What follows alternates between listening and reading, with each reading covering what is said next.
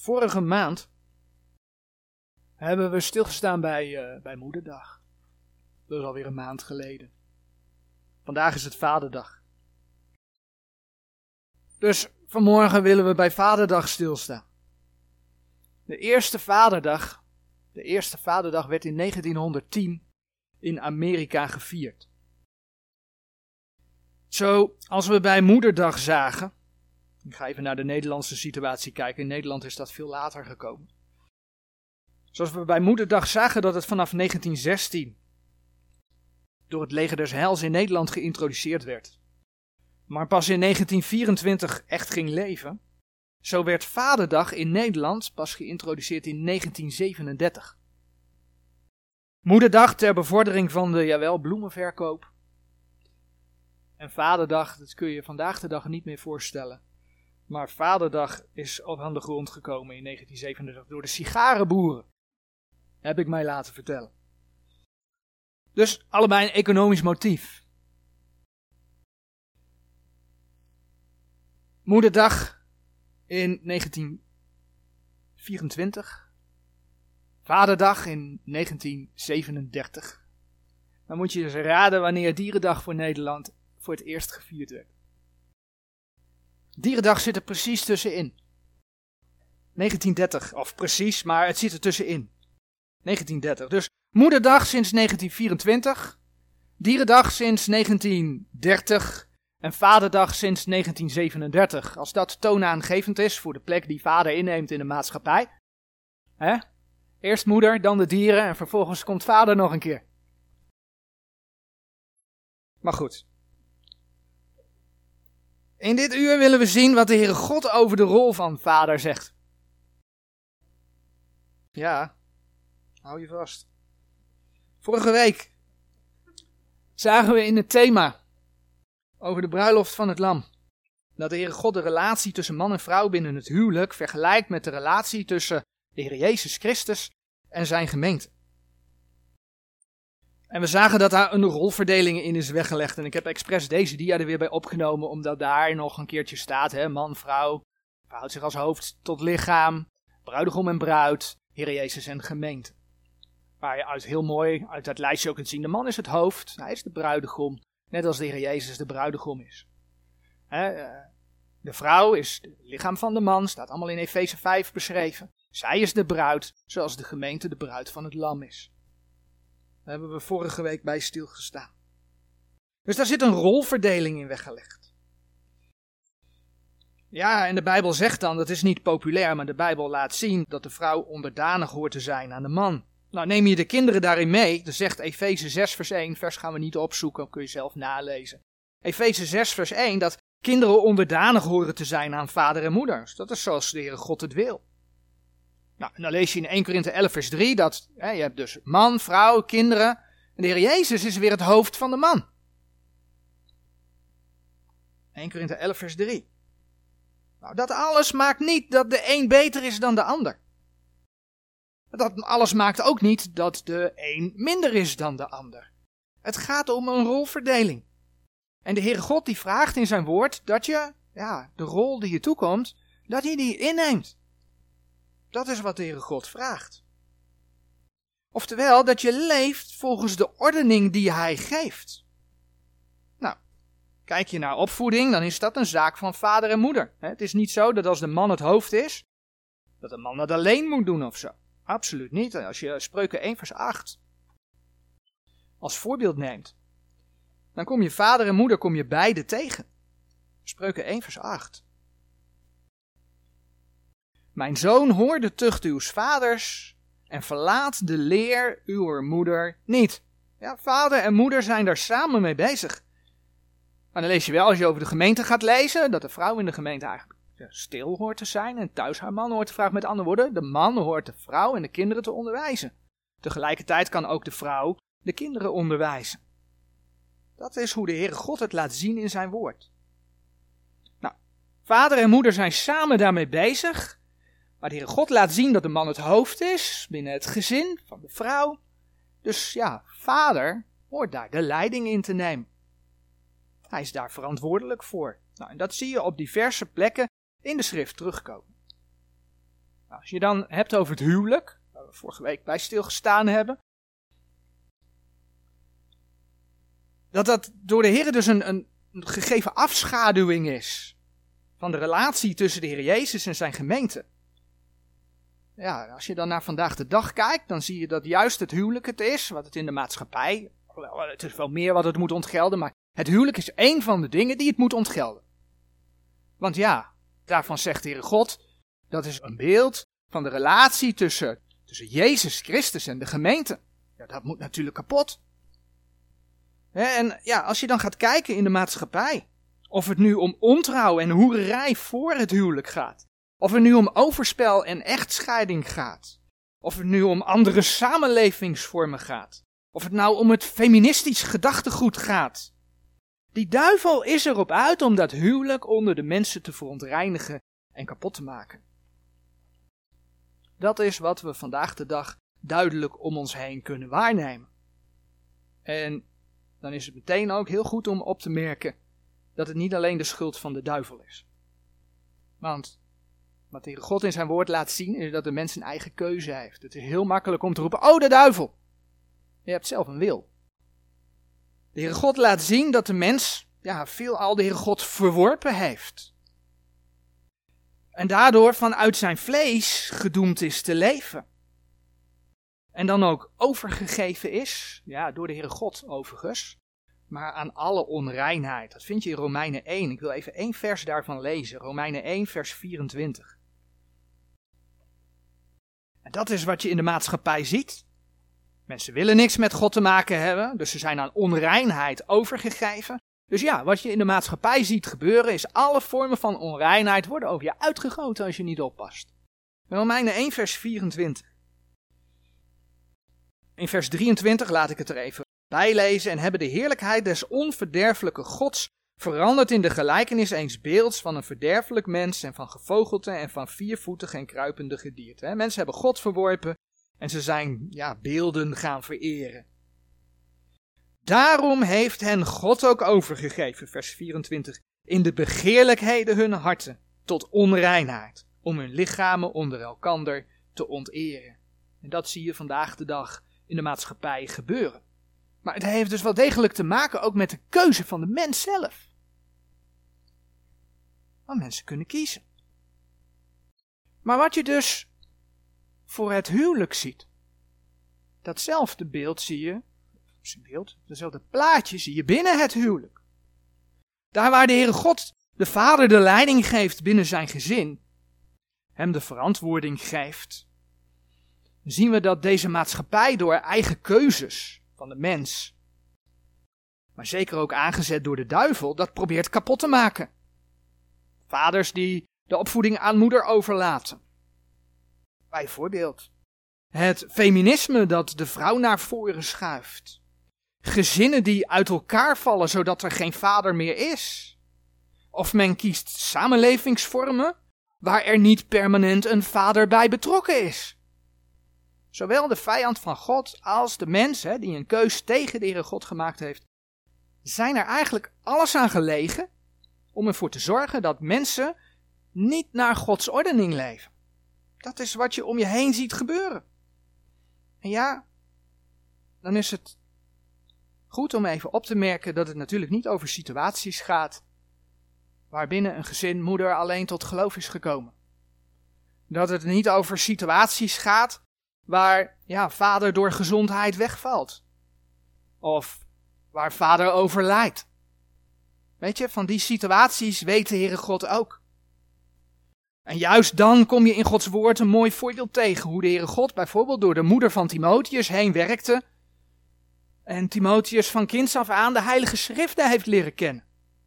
2 Timotheus 1 vers 5, 2 Timotheus 3 vers 15. Maar we hebben het erover dat mensen, hè, die situaties hebben we dus niet over. En de Heere God weet daarvan.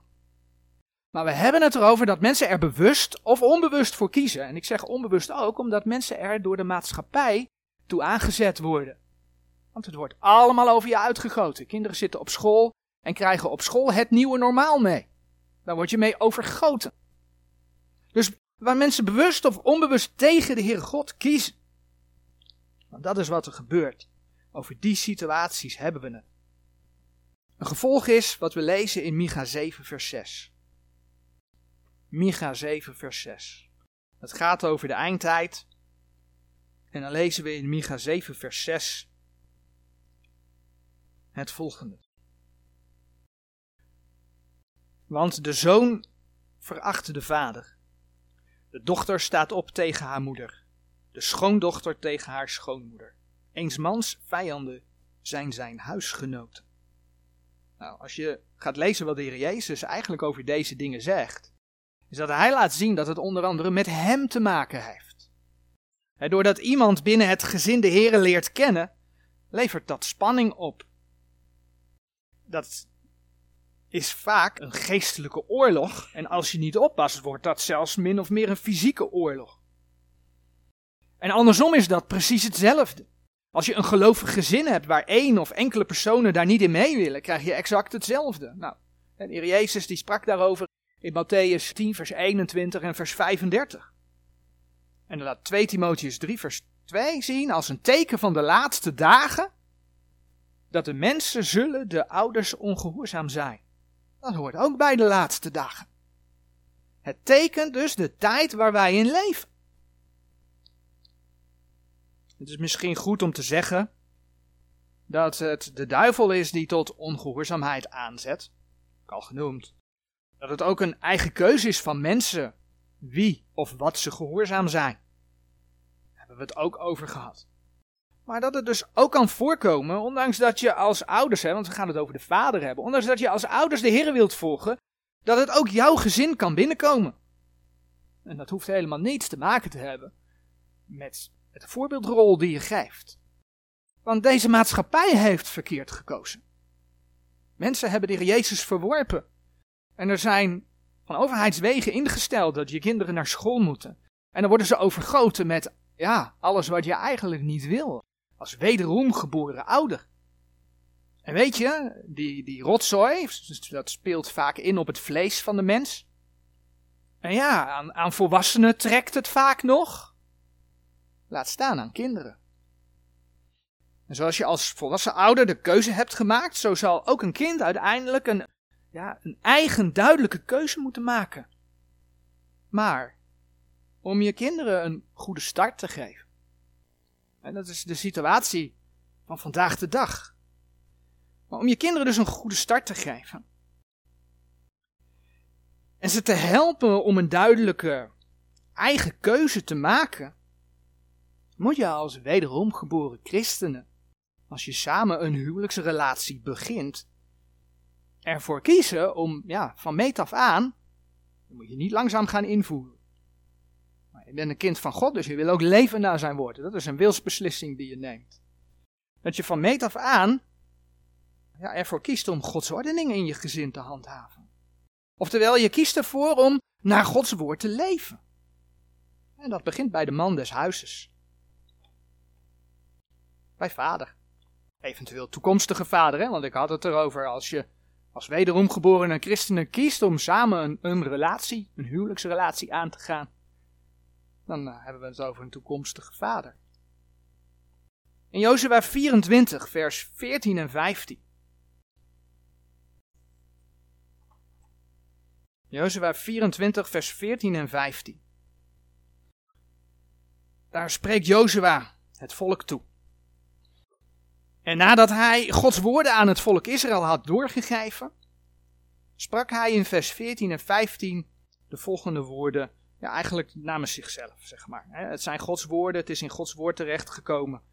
Maar hiervoor sprak hij, God zegt, en dan gaat hij in vers 14 als volgt naar het volk toe, verder. En nu vreest de Heer en dient hem in oprechtheid en in waarheid, en doet weg de goden die uw vaders gediend hebben, aan gene zijde der rivieren in Egypte en dient de Heere.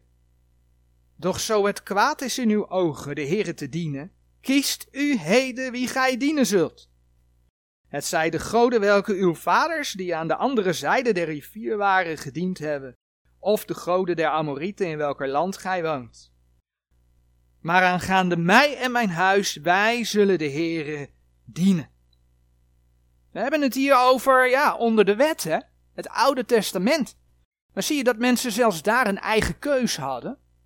Kiest u heden wie gij dienen zult. Er wordt nog wel eens beweerd dat mensen geen keuze hebben. Het moet je maar gegeven zijn van God.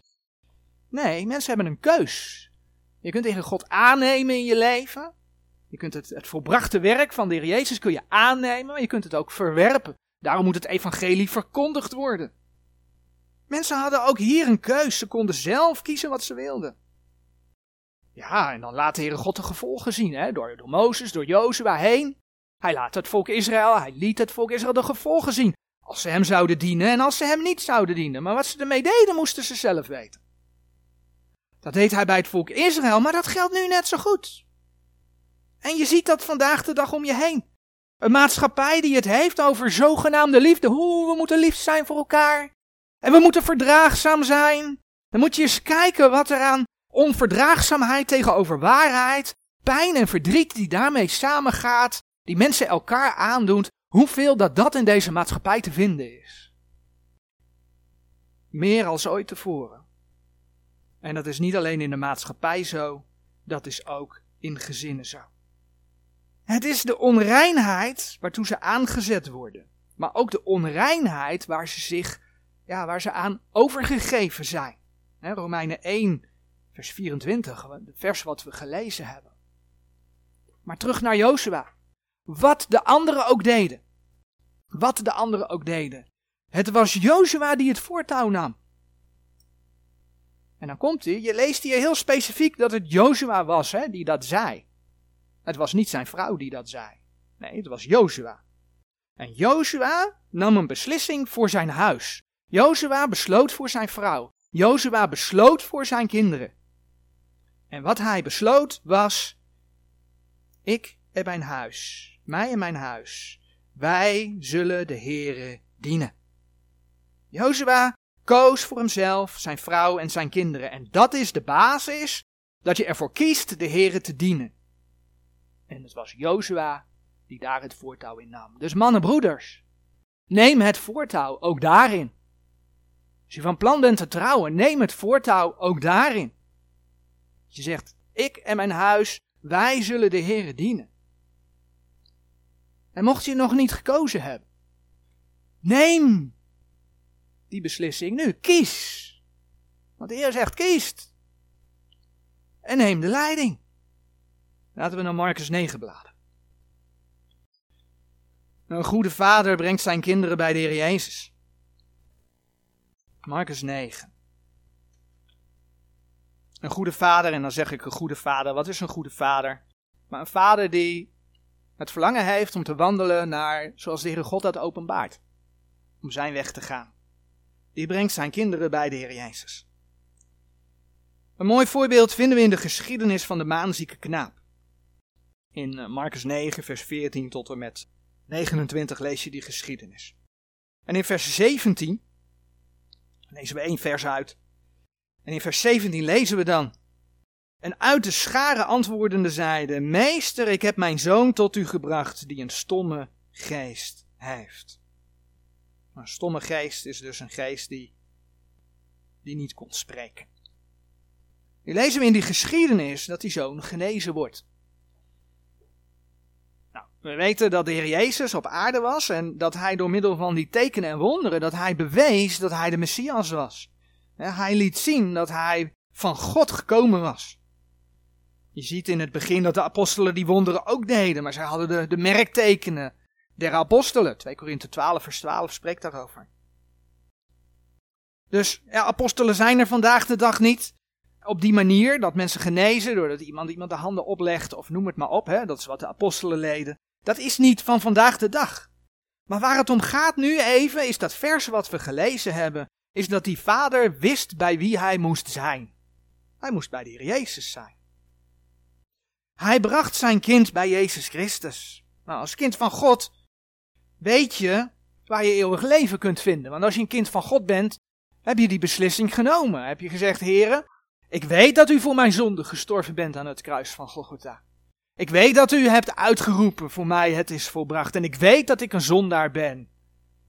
Wilt u mijn persoonlijke verlosser zijn? Dus je weet dat te vinden. En dat wil je toch ook voor je kind? Als vader heb je de verantwoording voor je gezin. Dus breng je kind bij de Heer Jezus. Nou, om dat te doen, heb je verschillende dingen tot je beschikking. Een andere vader die ons als voorbeeld mag dienen, en dan bladeren we naar Genesis 18. Een vader die zijn kinderen nog niet bij de Heer Jezus kon brengen, omdat de Heer Jezus toen nog niet gekomen was. Maar die zijn kinderen wel op Gods weg zette, dat is Abraham. En over Abraham lezen we in Genesis 18, vers 17 tot en met 19. En de Heere zeide, zal ik voor Abraham verbergen wat ik doe. Terwijl Abraham gewisselijk tot een groot en machtig volk worden zal, en alle volken der aarde in hem gezegend zullen worden. Want ik heb hem gekend, opdat hij zijn kinderen en zijn huis na hem zou bevelen. En zij de weg des Heren houden om te doen gerechtigheid en gericht, opdat de Heere over Abraham brengen hetgeen hij over hem gesproken heeft. De Heer had voorkennis. En met die voorkennis wist de Heer dat Abraham zijn kinderen en zijn huis na hem zou bevelen. Hij zou ze bevelen. En waarin zou Abraham hen bevelen? Nou, dat hebben we gelezen, opdat zij de weg des Heren zouden houden om te doen gerechtigheid en gericht. Abraham nam de leiding en om zijn kinderen te bevelen, dat is wat er staat, hè, te bevelen, moest hij ze leren. Hij onderwees dus zijn huis. En dat is precies wat de Heere God ook van vaders in deze gemeentetijd vraagt. En dan komen we bij Efeze 6. Efeze 6, vers 4. En dan lezen we in Efeze 6, vers 4. En gij vaders, verwekt uw kinderen niet tot toren, maar voed hen op in de lering en vermaning des Heeren. Dus vertel je kind over de Heeren. Vertel je kind over Gods woord.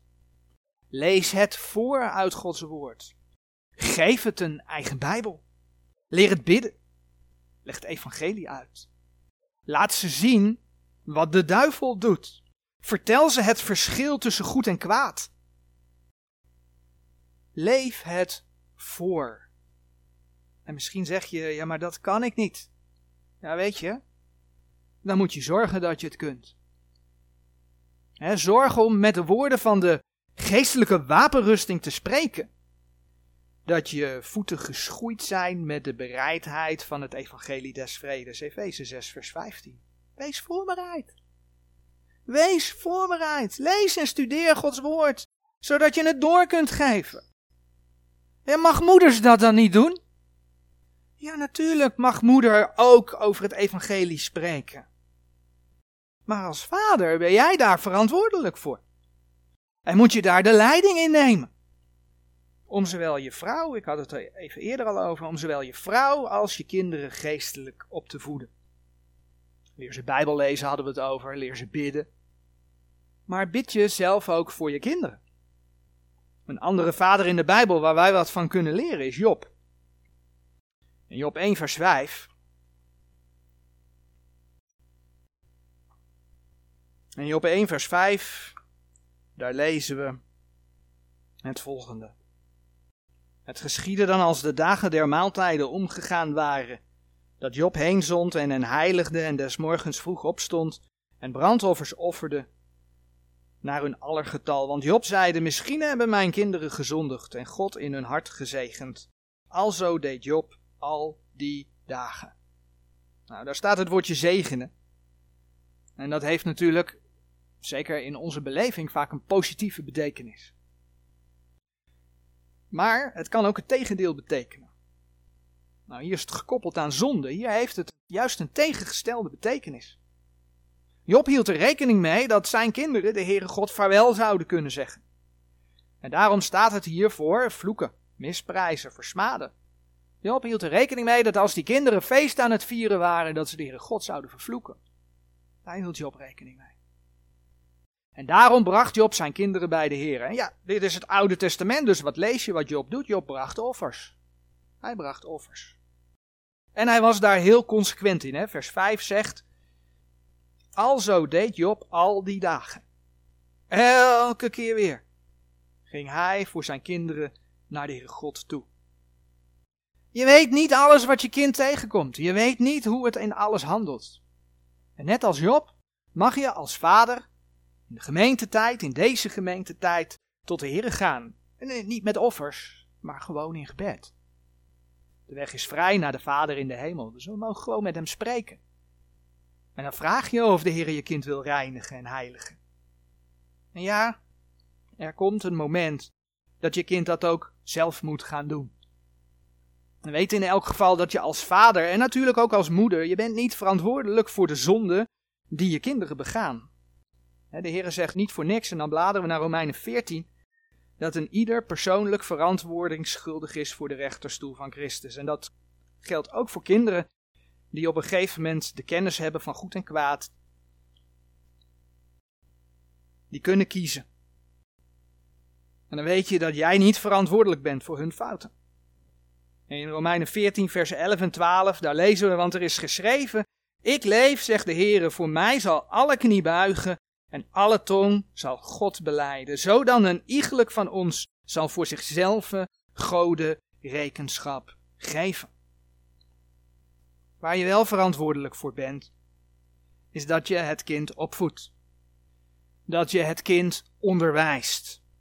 Als je dat niet gedaan hebt, maar wel wist dat je dat had moeten doen, of je had het kunnen weten, want je leest Gods woorden, je bent in aanraking gekomen, je had Gods woord kunnen lezen. Ja, dan zul je daarop afgerekend worden voor de rechterstoel van Christus.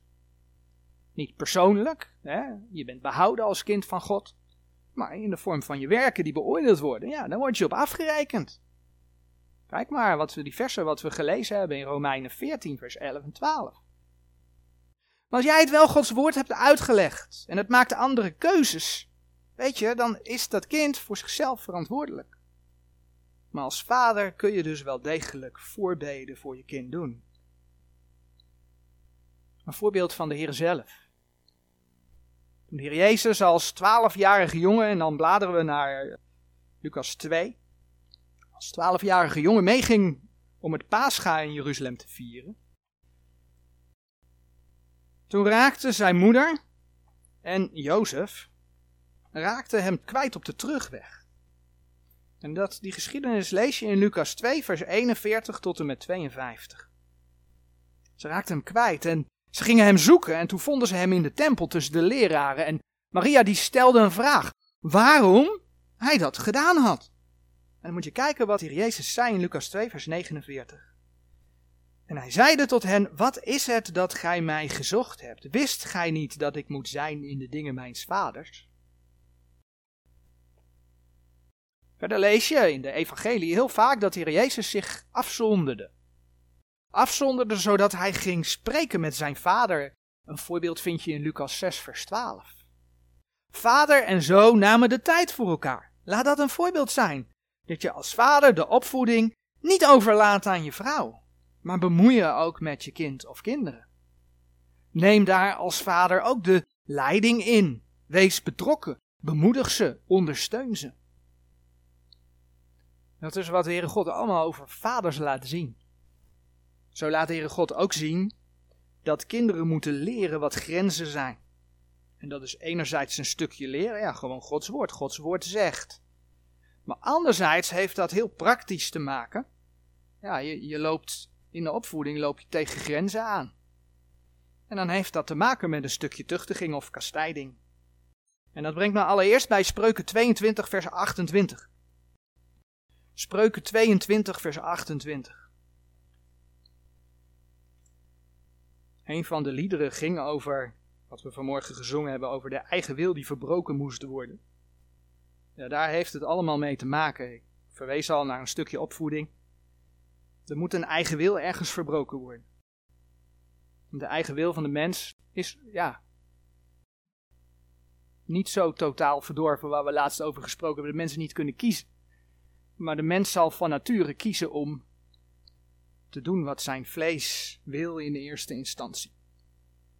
Totdat de Heere God het geeft dat zo iemand met Gods woord in contact komt En dat de geest door zijn woord overtuigt van zonde, gerechtigheid en oordeel.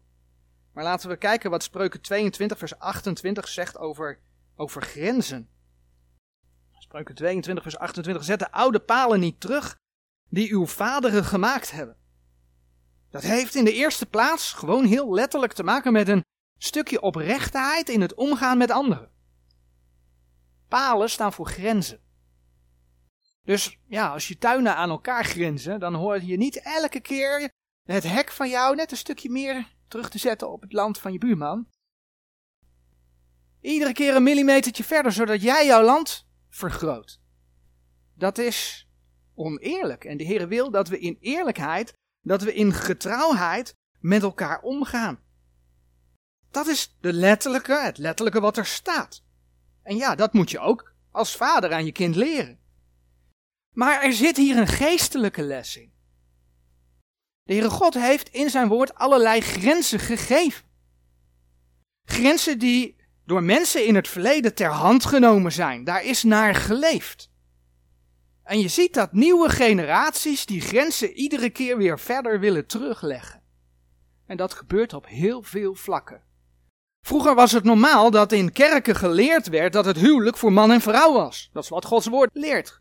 God schiep Adam en Eva. En zei, de man verlaten zijn vader en moeder. En die twee worden één vlees. Man en vrouw. Dat is wat de Heere God laat zien. Dus dat werd verkondigd. Tegenwoordig hoor je dat men steeds vaker andere relatievormen niet alleen goedkeurt, maar ook goed praat. Men probeert de zonde vanuit Gods woord, zeg maar, hè, of een vervalsing daarvan, een van de nieuwe vertalingen, probeert men goed te praten. Ja, en de Bijbel zegt dan ook, de laatste dagen zullen een tijd van afval van geloof zijn. Hè? 2 Thessalonicense 2 vers 3 spreekt daarover. Maar de Heer wil dus niet dat grenzen verlegd worden. Hij wil dat je je houdt, Titus 1 vers 9, aan het getrouwe woord. En daar heb je als vader een taak in. Als het kind gestelde grenzen overgaat, dan moet het gestraft worden. Spreuken 22 vers 15 zegt, en dat is ook een belangrijk vers, Spreuken 22 vers 15 zegt, de dwaasheid is in het hart van de jongen gebonden. De roede der tucht zal ze verre van hem wegdoen. Eigenlijk zie je in dit vers besloten liggen dat de mens van nature een zondaar is. Het zegt, de dwaasheid is in het hart van de jongen, 22 vers 15, gebonden. Dus een mens is van nature geneigd tot opstand. Een mens is van nature geneigd om zijn eigen wil te doen. Je denkt toch niet dat ik mij laat gezeggen hoe laat ik naar bed ga? Je denkt toch niet dat ik mij laat gezeggen hoe laat ik moet eten? Je denkt toch niet dat ik mij laat gezeggen dat ik maar een uur op mijn mobiel mag? Je denkt toch niet dat ik me laat gezeggen? En weet je, zo zijn er zoveel meer voorbeelden te bedenken. De mens van nature leeft onder de overste van de macht der lucht, waardoor het ja, liever zijn vlees vocht. Zijn eigen wil, ja, wat het vlees lekker vindt, wat ze fijn vinden, Efeze 2 vers 2 en 3. En dat leidt tot zonde, zegt Gods woord. En daarom moet er tucht plaatsvinden, want de tucht, dat hebben we net in vers 15 gelezen, de roede der tucht zal ze verre van hem wegdoen. De tucht doet dat verre van hem of haar weg. En dat is dus ook opvoeden is niet zo modern. Het is niet zo hip. Maar het is wel wat Gods woord laat zien. Opvoeden is grenzen leren. Opvoeden is goed gedrag aanleren. En daar moet je vroeg mee beginnen. En hoe vroeg? Ik geef er een voorbeeld van. En eigenlijk, zeker als moeders borstvoeding geven, eigenlijk is het een voorbeeld voor moeders. Alhoewel de vader de leiding moet hebben in ja, hoe we het kind gaan grootbrengen. Maar het is een voorbeeld die aantoont hoe vroeg je al kunt beginnen met een kind te leren dat het niet bediend wordt op zijn wenken of haar wenken. Toen onze kinderen geboren werden, was het in, kreeg je van de verloskundige te horen, ja, je, moet, het kind wel voeden op, ik weet niet meer precies wat de term was, maar het komt er neer, voeden op afroep. dus als het kind honger heeft, dan gaat het huilen en dan moet je het gaan voeden. Dat was in ieder geval, ik weet niet hoe het nu is, in onze tijd was dat modern. Maar wat leer je het kind daar al heel vroeg mee? Daar leer je het kind al, als het nog maar zo klein is. En de, de Heer zegt dat de zonde er dan al in zit, ook al kan het dat nog niet in alles uiten. Maar wat leer je het kind daar al heel jong, daar leer je al heel mee. Als ik ga lopen blaren, dan krijg ik mijn zin. Dat begint in de eerste week. Wij hebben toen heel bewust gekozen, nee, daar gaan we niet in mee. We gaan een schema maken. En daar hou je rekening mee dat een kind, als het heel jong is, dat het de eerste week, hè, dat het om de, nou, een hele kleine tijdsperiode, ik geloof dat het twee uur was of zo, dan moet het om de twee uur te drinken krijgen. Nou, en langzamerhand ga je dat oprekken. En dan leert het kind dat het op jouw tijd te eten krijgt. En niet wanneer. En dan krijgt het zijn zin. Op een gegeven moment krijgen ze een leeftijd. Dan willen ze of niet alleen zijn, of ze willen niet zo vroeg naar bed. Dan waarschuw je één of twee keer. Maar ze blijven maar huilen. Ja, huilen, krijsen. En natuurlijk, hè, even voor de veiligheid, dat ik niet mensen aanzet om verkeerde dingen te doen. Natuurlijk controleer je als ouders dan of er niks mis is met het kind. Maar op een gegeven moment heb je door, het is aandacht vragen. Want het wil bij papa en mama zijn. Maar nee, ik moet slapen boven. In bedje. Huilen, krijsen. Weet je wat je dan moet doen? Je moet ze vooral niet de zin geven. Dat kan één nacht duren.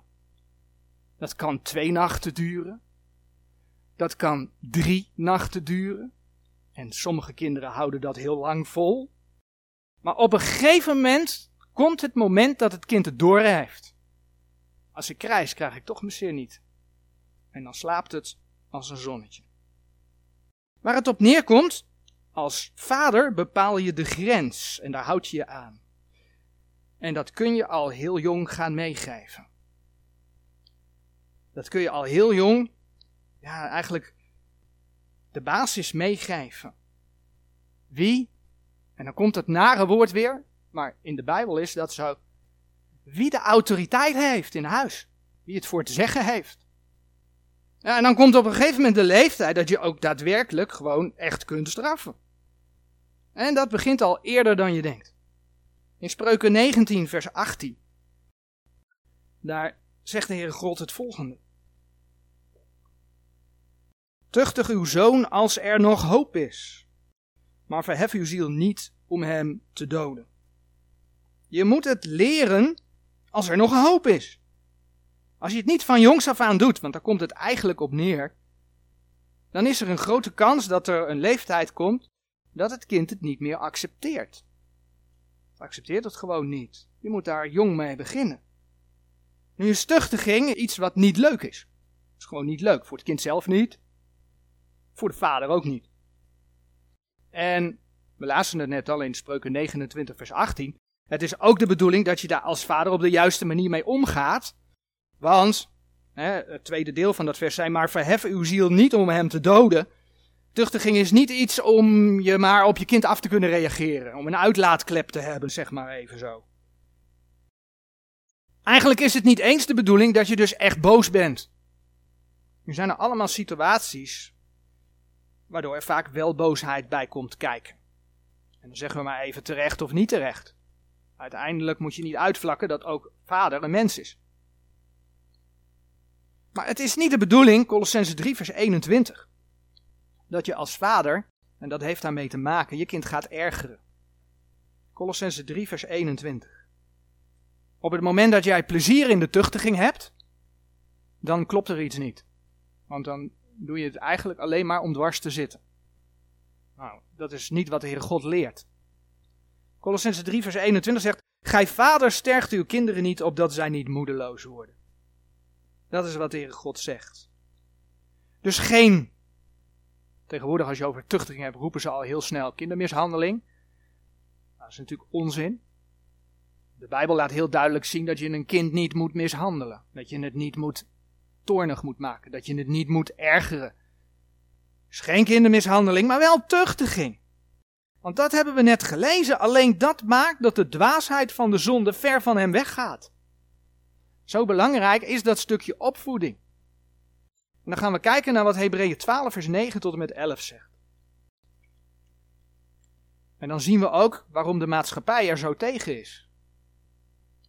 Waarom je ze vooral met zachte handschoentjes moet aanpakken. En moet vragen of ze wel gewillig zijn om mee te gaan. Volgens sommigen dan, hè. Hebreeën 12 vers 9 tot en met 11 zegt het volgende. Voorts wij hebben de vaders onzes vleeses wel tot kastijders gehad, en wij ontzagen hen. Zullen wij dan niet veel meer de vader der geesten onderworpen zijn en leven? Want gene hebben ons wel voor een korte tijd, nadat het hun goed dacht, gekastijd, maar deze kastijdt ons tot ons nut, opdat wij zijner heiligheid zouden deelachtig worden.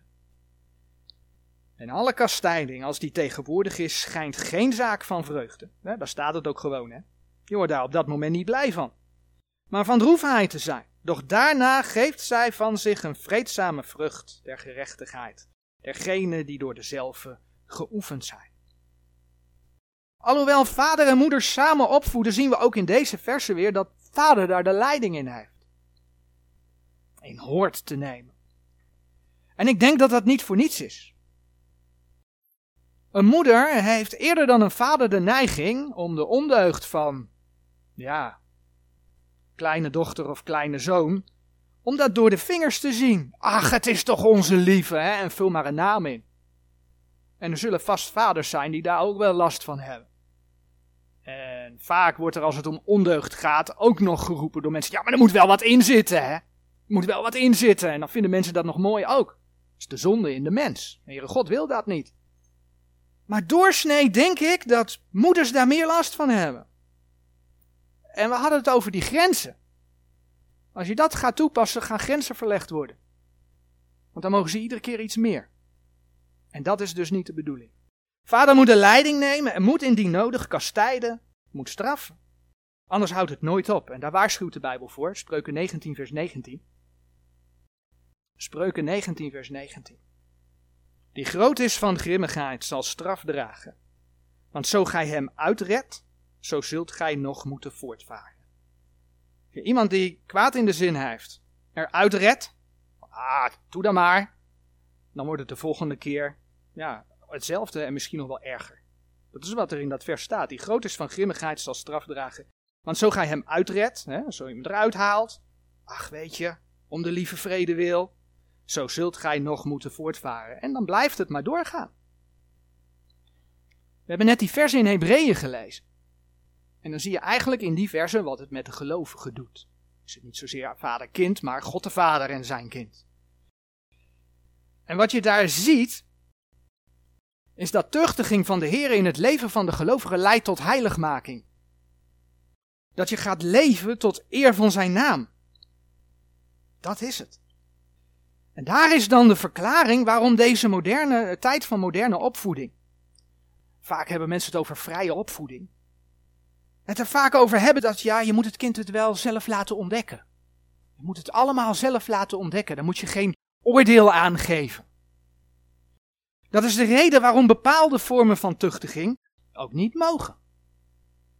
Maar God zegt dat je door middel van tuchtiging kinderen op zijn weg brengt. Zoals dat heel mooi bij Abraham beschreven stond in Genesis 18, vers 18 tot en met 19. God zegt dat je door middel van tuchtiging de dwaasheid van de zonde ver van hem of haar weg, ja, dat het daarmee weggaat. En dat ze daarmee heilig kunnen leven voor de Heer. En dat is wat deze wereld hè, en de geestelijke wereld daarachter, wat ze willen voorkomen. Zie je hoe belangrijk het is om je kinderen zo op te voeden en dat te leren. Vaak willen ouders lief gevonden worden door de kinderen. Vaak zijn ouders bang dat het kind ze niet meer leuk zal vinden. Laat dat los. Denk aan Spreuken 19, vers 19. Als je er bent voor de kinderen. Dat is eigenlijk dat rijtje waar we het over gehad hebben. Als je er bent voor de kinderen. Als je ze opvoedt met het verschil tussen goed en kwaad, als je ze dat duidelijk maakt. Als ze zien dat je niet uit boosheid kastijdt. En als ze dan een wijze beslissing nemen.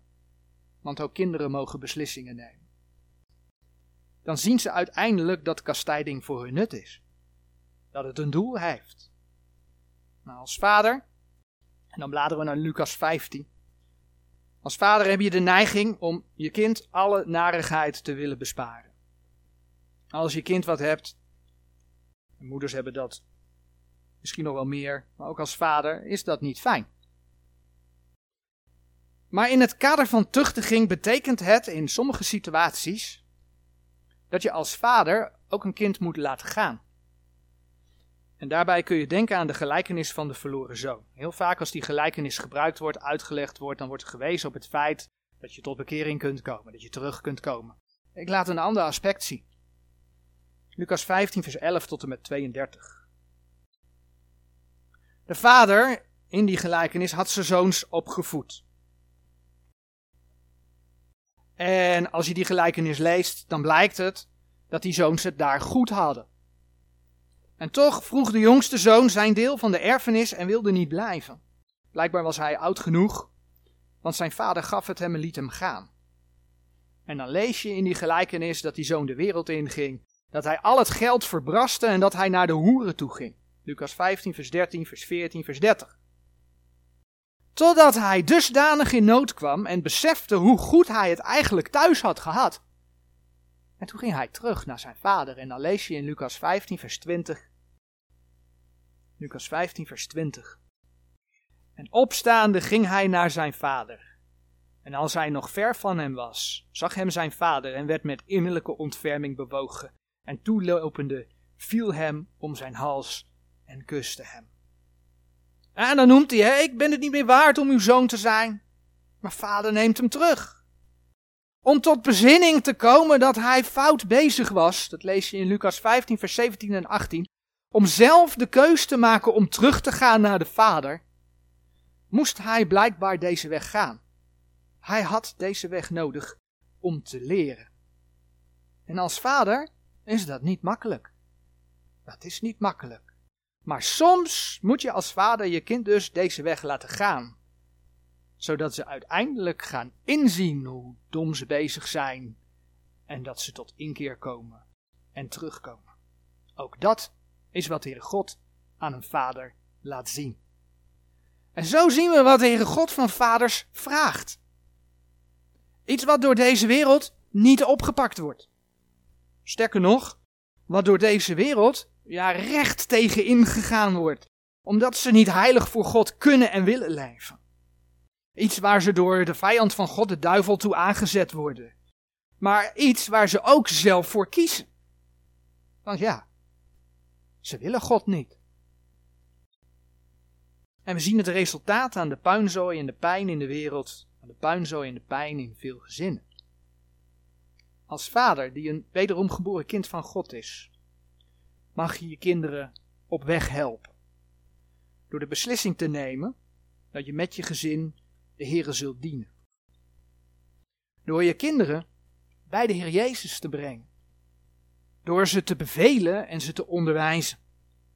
In Gods weg. Door voor ze te bidden. Door er voor ze te zijn. Maar ook door ze grenzen te leren dat heeft met die tuchtiging, met die kastijding te maken. En ze soms ook te laten gaan. Soms is dat nodig om als leerproces tot inkeer te komen. Dus vaders, ondanks de tijd, en dan bladeren we nog naar spreuken 22 vers 6. Ondanks dat de tijd waar wij in leven, de maatschappij waar wij in leven, je vaak anders vertelt. Je wordt opgeroepen om daar leiding in te nemen. En dan zegt Spreuken 22, vers 6. Leer de jongen de eerste beginselen naar de eis zijns wegs. Als hij ook oud zal geworden zijn, zal hij daarvan niet afwijken. En ja, hier staat jongen. Maar ik geloof dat het net zo goed voor de meisjes ook zo is. Als je ze jong leert, dan is het oud gedaan. Is dit een garantie dat het allemaal gaat zoals je graag zou willen? Weet je, dat zou heel mooi zijn, maar dat is het niet. Als je spreuken gaat lezen, dan zie je dat je kinderen hebt die wijs zijn, die luisteren naar raad van vader en naar de raad van moeder. Maar je hebt ook kinderen die dwaas zijn, die niet luisteren naar de raad van vader. Maar je kunt ze op deze manier wel op weg helpen en een goede basis geven, Zodat ze weten welke keuzes er zijn, zodat ze ook weten welke consequenties er zijn. Zo kan een kind kiezen. Want als jij ze niet vertelt hoe het in elkaar zit, in de wereld zullen ze het zeker niet doen. En op het moment dat je het ze verteld hebt, dan weten ze ook altijd dat ze terug kunnen komen. Amen.